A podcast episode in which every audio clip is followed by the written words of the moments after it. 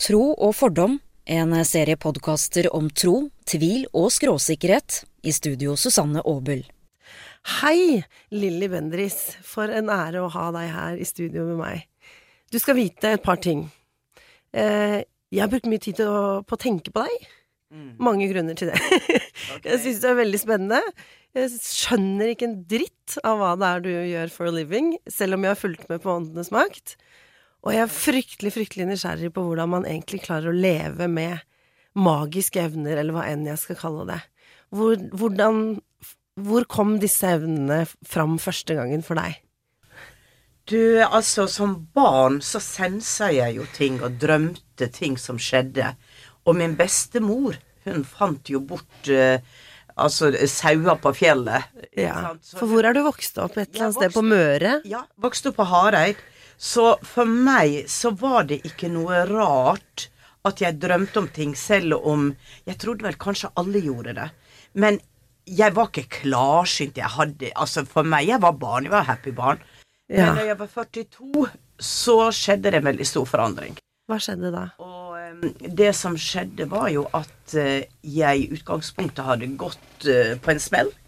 Ble veldig utbrent og uh, mista Mista vel lysta på det meste. Har jeg hørt feil, eller er det noe som kan skje med mennesker som sitter med sånne krefter inni seg? Ja, jeg tror det. Fordi at du gjør ikke det du har kommet for å gjøre. For jeg tror hvert enkelt menneske har en livsoppgave. Ja. Og når du gjør den, så får du tilførsel av energi, du får glede. Når du unnlater den, eller ikke forstår at, hva du skal gjøre, så tror jeg det at det blir en, en tunghet i deg. ja. Mangel på vitalitet. Rett og slett. men for meg så begynte jeg å ta akapunkturbehandling, og denne historien har jeg dratt så ofte at jeg tar den ikke igjen. Det skal du slippe. Jeg lurer egentlig mest på hvordan man setter i gang. Ja, da hva er det man begynner å plukke tak i? Er det menneskene rundt deg, eller er det noe inni deg, eller opp, opp, må jeg oppleve det som en slags uro? Nei, jeg opplevde det som en tomhet. Alt var tomt. Ja. Alt var meningsløst. Og, eh, og jeg tenkte, hvorfor er jeg her egentlig? Hvorfor, hvorfor Du fikk eksistensielle Ja. spørsmål, rett og slett? Ja. ja. Um, for, det var, for jeg var en veldig livsglad person som alltid hadde drømmer, visjoner, sto på, jobba. Og så plutselig var det ingenting jeg hadde lyst på mer. Og da var du 42, Da var jeg 42. som om noen skrudde av en knapp i deg. Ja. Og, eh, og Og før det hadde du ikke vært og lefla med tanken på at det var noe Har du vært religiøs? Er du oppdratt, er du oppdratt uh, kristent? Mm, Oppdratt kristent veldig fritt. Veldig fritt. Og, eh, og jeg vet at som barn så var det veldig trygt å vite at englene passa på meg. For er ikke dette her litt hedensk, på sett og vis, det du på en måte har endt opp med? I forhold Jo, til det de jo, Det er jo det som er så interessant, da, Susanne. Det er jo det at de tror det er hedensk. Det er fordi at eh, kirka har tatt eierskap på kontakt med det guddommelige. Og hvis det ikke er innenfor kirka, så er det da hedensk. Ja. Der, ligger, der ligger en nøkkel. Jeg opplever det som urettferdig. Eh, Jeg er oppdratt jødisk, Ja. eh, og i den jødiske tro så er det et alternativ å være ateist. Ja. Det er veldig underlig for mange, men det er faktisk det. Jeg husker når jeg ble satt på søndagsskole, som det kalte det, eller Ja. Benjakiva, som var et møte vi var på, eller sommerleir, eller hva enn, så lærte vi da om David og Goliat, eller Og jeg visste hele tiden at det var eh, metaforer på Ja. historier som skulle lære oss noe mer. Ja. Men det var aldri noen som snakket til meg om noe spirituelt, noe åndelig eller noe Gud. Men de religiøse jødene tror da virkelig på Gud. Men det, men det har jeg aldri fått med meg. Men jeg har prøvd. Og det syns jeg er, har jeg opplevd som urettferdig, fordi jeg har vært veldig søkende, men aldri fått noen ting. Og dermed så er jeg blitt en person som er skeptisk. For man må være åpen for, for det du holder på med, sant? Ja, du kan si at eh, det hjelper. Jeg har hatt klienter som har kommet som er veldig stengt, og da blir det blanke ark for meg også. Ja. Det er noe med en villighet til å tillate og på en måte gi seg over til at det, ok, er her noe informasjon? Men jeg, jeg jobber jo ikke som spådame, jeg jobber ikke på den Nei. Eh, så, så den evnen til å fange opp ting som ligger i feltet, Ja. Det er Det har til tider vært Hva er feltet? Må, nå må jeg spørre om alt. Energikroppen. Alt er energi. For meg er alt energi. Kan du se en energi på alle menneskene du Nei, møter? ser ikke en ser ikke skit. Nå har du kontakt med døde, døde mennesker. Ja, og, og det er jo det som egentlig er litt greie her, da. Har jeg kontakt med minnet om det livet de levde? Mm. Er det det, og kontakter de meg fra et Ser du eh, computerprogram? Ja, det kan jeg jo på sett og vis lettere å relate to. Ja, siden du nå er skeptiker, så hvis du tenker det at eh, alt du har gjort, alt du har tenkt, Ja. alt du har sagt, det blir registrert Og lagra. og lagra. Ja. Og når du er borte, så vil det være der til evig tid. En person som da er høysensitiv, eller har den evnen Ja. til å tune seg på, vil kunne gå inn og surfe på nettet og finne ditt program. Og hva er grunnen til at folk da For dere snakker om å gå over til andre siden, eller er det noe jeg har lest i, i, i Norsk Ukeblad? Det er altså det, det som er vanskelig, er å finne terminologi, altså finne ord for noe som er veldig vanskelig å beskrive. Så man kan si at når man sier den andre sida, så mener man nok den ikke-fysiske Ja. eh, virkeligheten. Fra en fysisk til en ikke-fysisk virkelighet. Men, Ja. men kroppen din forsvinner. Atomer oppløst, du, du, du Du blir borte. Det blir borte. Ja. Men hva med all, alt, alle tankene, og bevisstheten din? Jeg håper ikke hver eneste sjel som har dødd på jorda i all evighet, fortsatt fins på et eller annet vis. Er, er, mener du det? Ja. Ja. Det eksisterer. altså, energi kan aldri bli borte. Den kan forandres. Og da lurer jeg selvfølgelig på det spørsmålet som det ikke fins noe svar på, bortsett fra det vi ser på TV. Eventuelt hva du kunne ha vist for meg på radio, men da hadde det blitt mellom meg og deg. Hvorfor er det ikke bevisbart? Sånn, hvorfor kan vi ikke få noe svart på hvitt her? Hvorfor eh, kan vi ikke, istedenfor å si rekonstruksjoner av disse tingene som flytter på seg hva, Er det fordi det er forbeholdt dere? Nei, altså, når vi går til et sted hvor de har opplevd ting, så er ikke det noe mer vi ønsker enn at det skal gjenta seg. At vi skal få det på film. Eh, men det virker som om at det, når vi kommer inn, så blir det en stillstand. Ja. Så blir det en type stillstand. Og i enkelte TV-program så har det jo skjedd. Det var jo et Jeg hvor har sett noe faenskap, altså, som Ja, skremte vettet av meg, i hvert fall. Jo, du ser da at et leketog eh, begynner å gå av seg selv, ikke sant. og, og da tenker man at det her er ingen fjern... Men hvorfor gjør de det? Men noe så guffent som å bevege på et leketog? Nei, men det er ikke guffent i det hele tatt. Det er jo bare å si at 'jeg er her', se jeg er her, ta kontakt med meg. Okay. Veldig ofte så kan det være at en, en som på en måte er fast som i en drøm, da, vil ha hjelp å komme ut av den drømmen. Og Ja. jeg vet et tilfelle hvor jeg ble tilkalt til et sted hvor en ung mann hadde sett mine program. Ja. Denne unge mannen var drept, han satt fast, og han ville ha tak i meg for å få hjelp til å komme hjem. Ja. Og satte i gang med øh, å klare å bevege på ting og gjøre ting som var så crazy at eh, jeg ble altså, Føler du kjærlighet for det mennesket da som du skal hjelpe, eller er det Selvfølgelig. Nå fikk jeg bare en digresjon, men det er hele konseptet med samtalen her, at jeg skal få lov å hoppe fra grein til grein litt. Jeg har en søvnplagediagnose Mm. som heter hypnagogia. Ok. Søvnparalyse kaller de det. Ja. Så jeg sovner, og så går jeg i rem-søvn, Mm. Og så våkner en del av hjernen min, men kroppen min beveger seg ikke. Ja. Og da har jeg hallu- hallusinasjoner Mm. i søvne. Mm. Det er ikke noe farlig diagnose. Det handler ikke om schizofreni eller Nei, noe nei. sånt. Det. Men det er en forferdelig Er jeg inne på et eller annet her da? Er, eller er det medisinsk eh, jo, men diagnose? det er jo medisinsk, men altså, hvordan fungerer hjernen vår? For hjernen er én del. For da ser er jeg jo ting. Ja. Jeg har også ø, opplevd, ikke så ofte, men jeg har opplevd den tilstanden. Ja. Og i den ene gangen, husker jeg, så vet jeg at jeg fikk besøk. Nettopp. Og da fikk jeg faktisk besøk av min daværende mann som bodde i Spania på det tidspunktet. Og jeg gjenkjente han, og det var energikroppen som kom. Nettopp. Og derfor så ble jeg heller ikke redd, fordi at han gjorde bevegelser ting. Jeg så ikke utseendet, men det var som en fortetning i lufta. Ja. Og han berørte meg, og jeg bare visste at ok, han er her. Og da er det igjen dette med at man opplever at det, du kan sende healing over avstand. Du kan nå noen selv om de er i Kina. Og da tenker Ja, jeg for- her er et felt utenfor. Du kan nå noen i Kina. Her kommer det dummeste Ja. spørsmålet du har fått. Ja, Tror jeg. Ok. okay.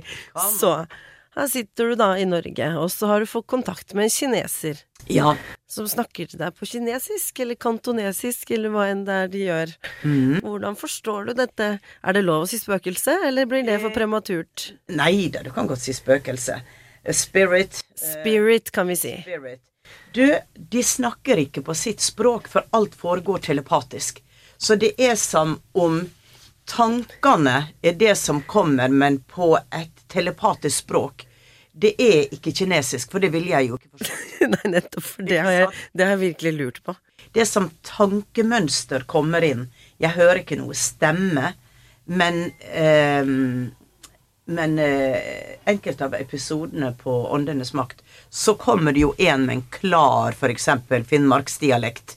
Ja, Og da hører jeg ikke høyt stemme, som om når du snakker til meg. nei. Jeg hører den som en tanke, men allikevel hører jeg dialekta.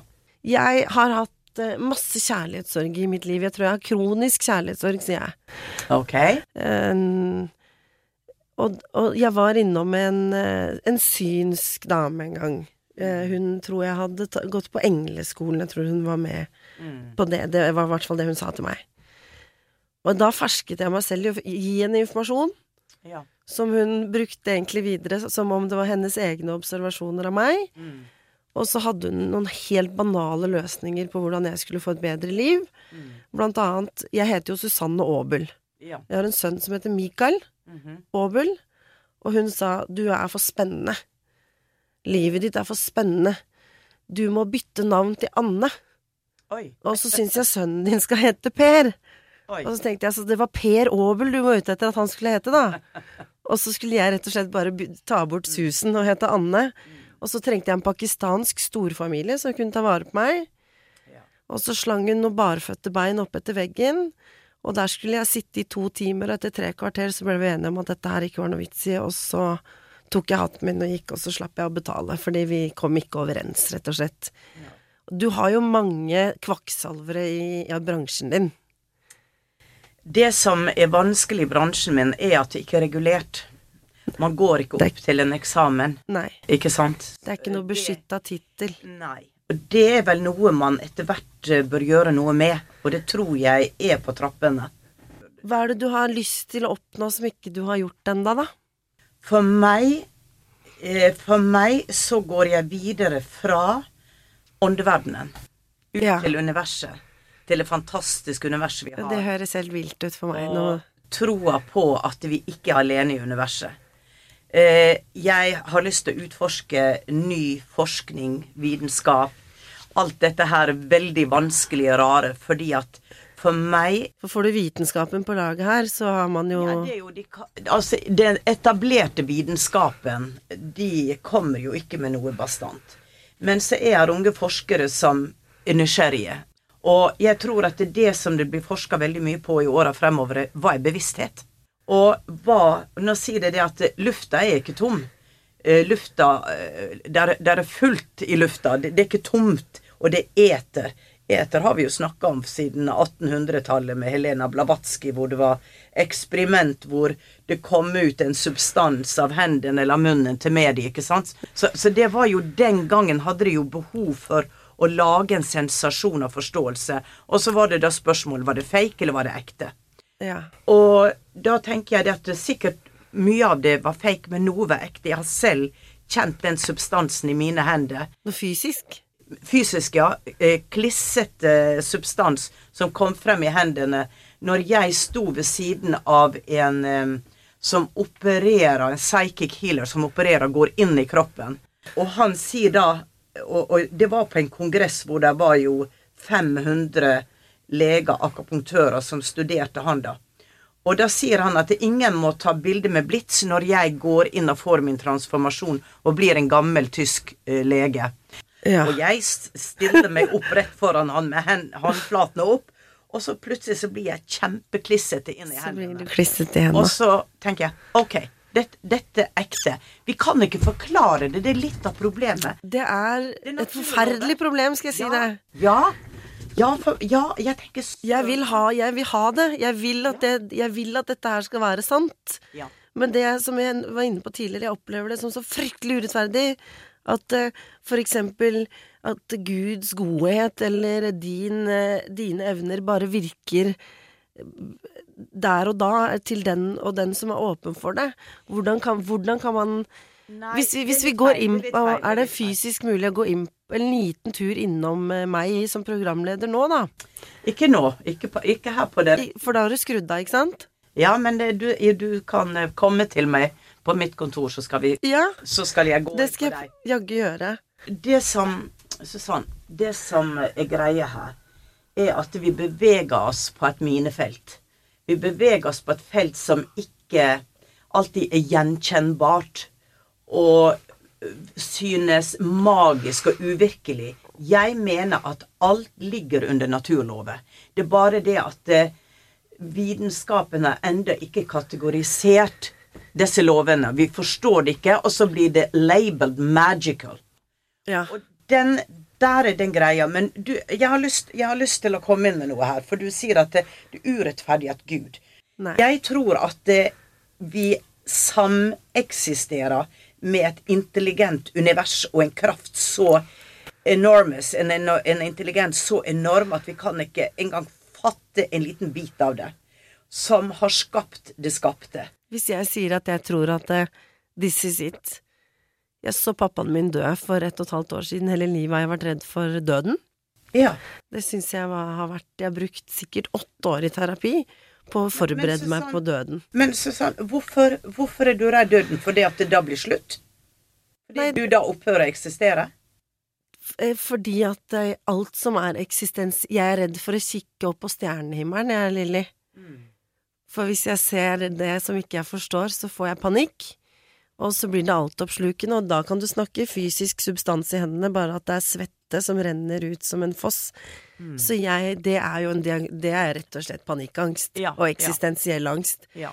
Men eh, så det der å legge seg på gresset en, eh, en sommernatt og titte opp på himmelen, mm. er ikke noe ålreit opplevelse for meg, fordi jeg går til et mørkt sted. ja.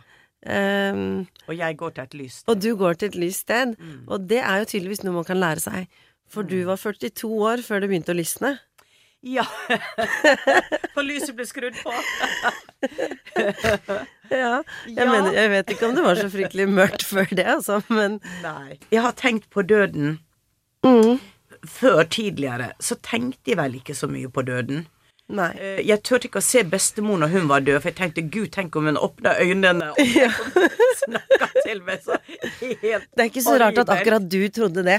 Jeg kan godt forstå at du Mest sannsynlig så hadde jeg gjort det òg, vet du. Ikke sant? Ikke sant? Oh my god. Hun hadde sperra dem rett opp, grei, ja.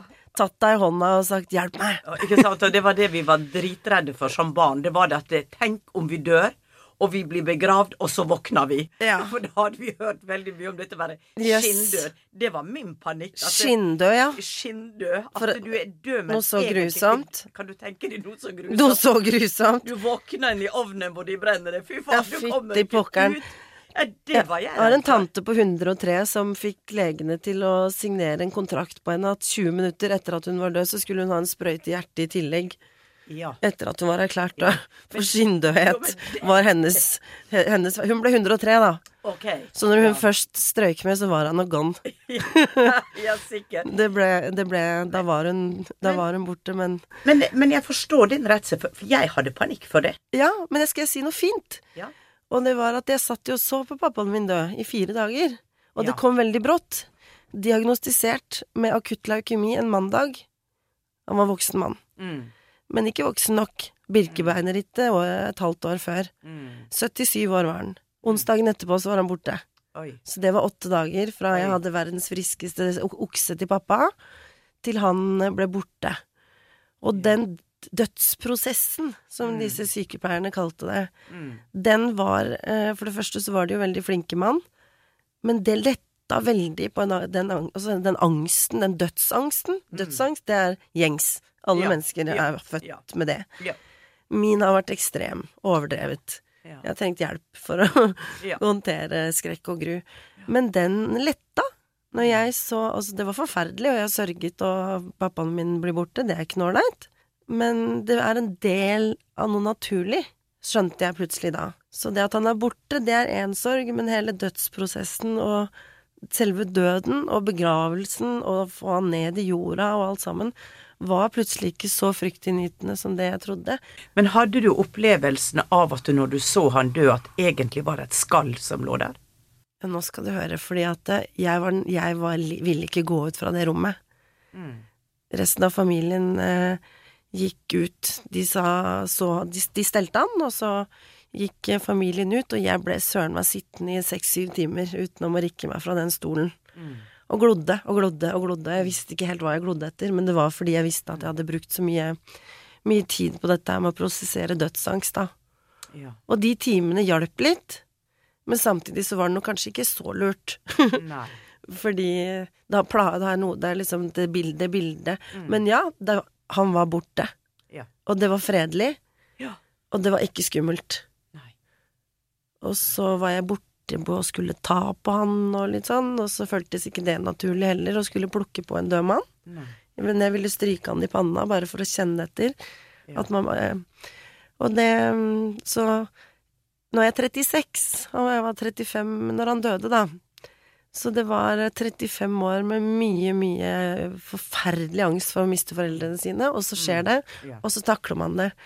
Men den selve fysiske døden Jeg tenkte at nå er han borte, og det tristeste av det triste var at jeg likte ikke tanken på at han skulle være aleine når de skulle Nei. trille han inn på en sånn kjøleboks, Ja. som de gjør. ja At han skal. Ja. ligge i et kjølerom. For da forbinder du at han fortsatt er der. Ja. Vi er så emosjonelt forbundet med dem at vi, vi, vi kan ikke la den emosjonelle biten gå, og vi forbinder det med den kroppen som ligger der.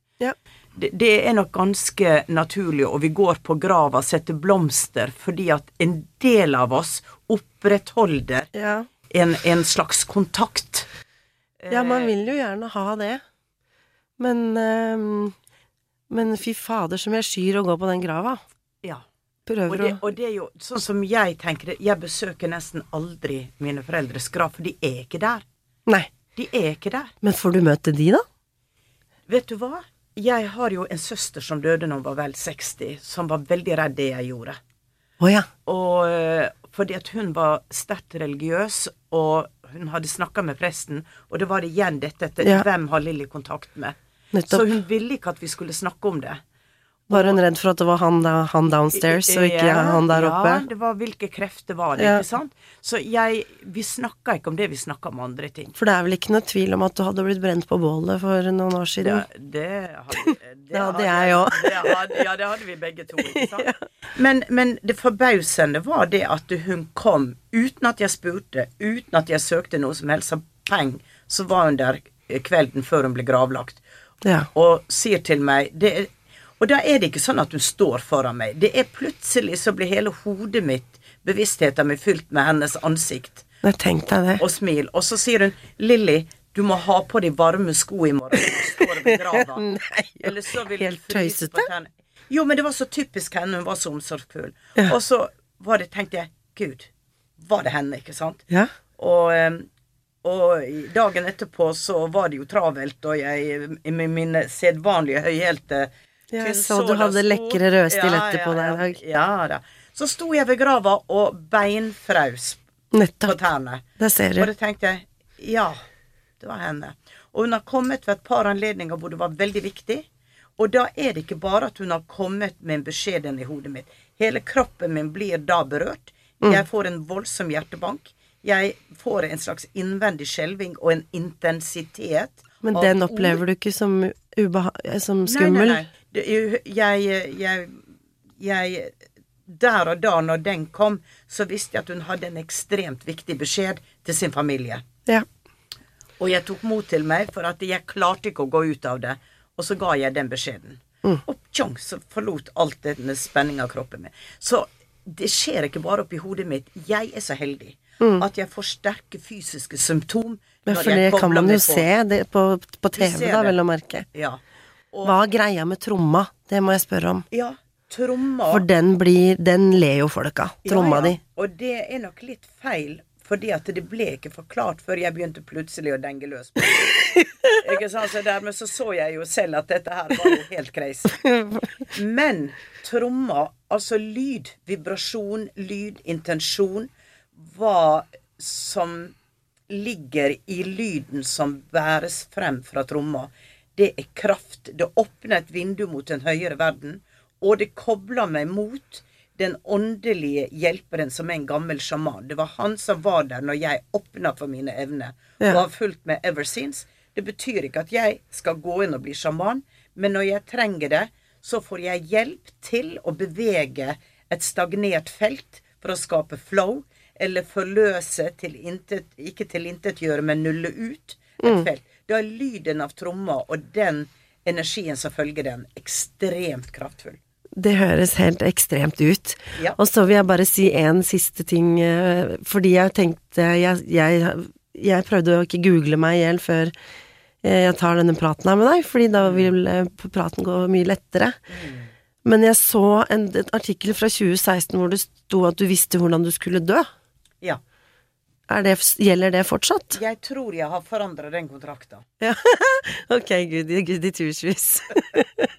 er det noe annet du har lyst til å melde til Radio Norges eh, lyttere? Nå er, hva skal vi kalle deg? Det er jeg nysgjerrig på. Er du en Du er synsk. Jeg kaller meg selv et medium. Et medium. Ja, en kontaktperson for en ikke-fysisk virkelighet. Kan du hile folk? Ja. Ja. Det Med hendene dine, eller med Ja. tankekraft? Nei, det, altså Healing var det første jeg åpna for. Hendene mine. Og det er ikke jeg som healer, men jeg blir som et telefonrør som sender en beskjed til kroppen til den som har et problem, for kroppen healer seg selv. Healer du sjelelige eller kroppslige smerter? Begge deler. Hmm. Jeg har folk med psykiske problem som sier at det er bedre å komme til deg eller ta en valium, Lilly.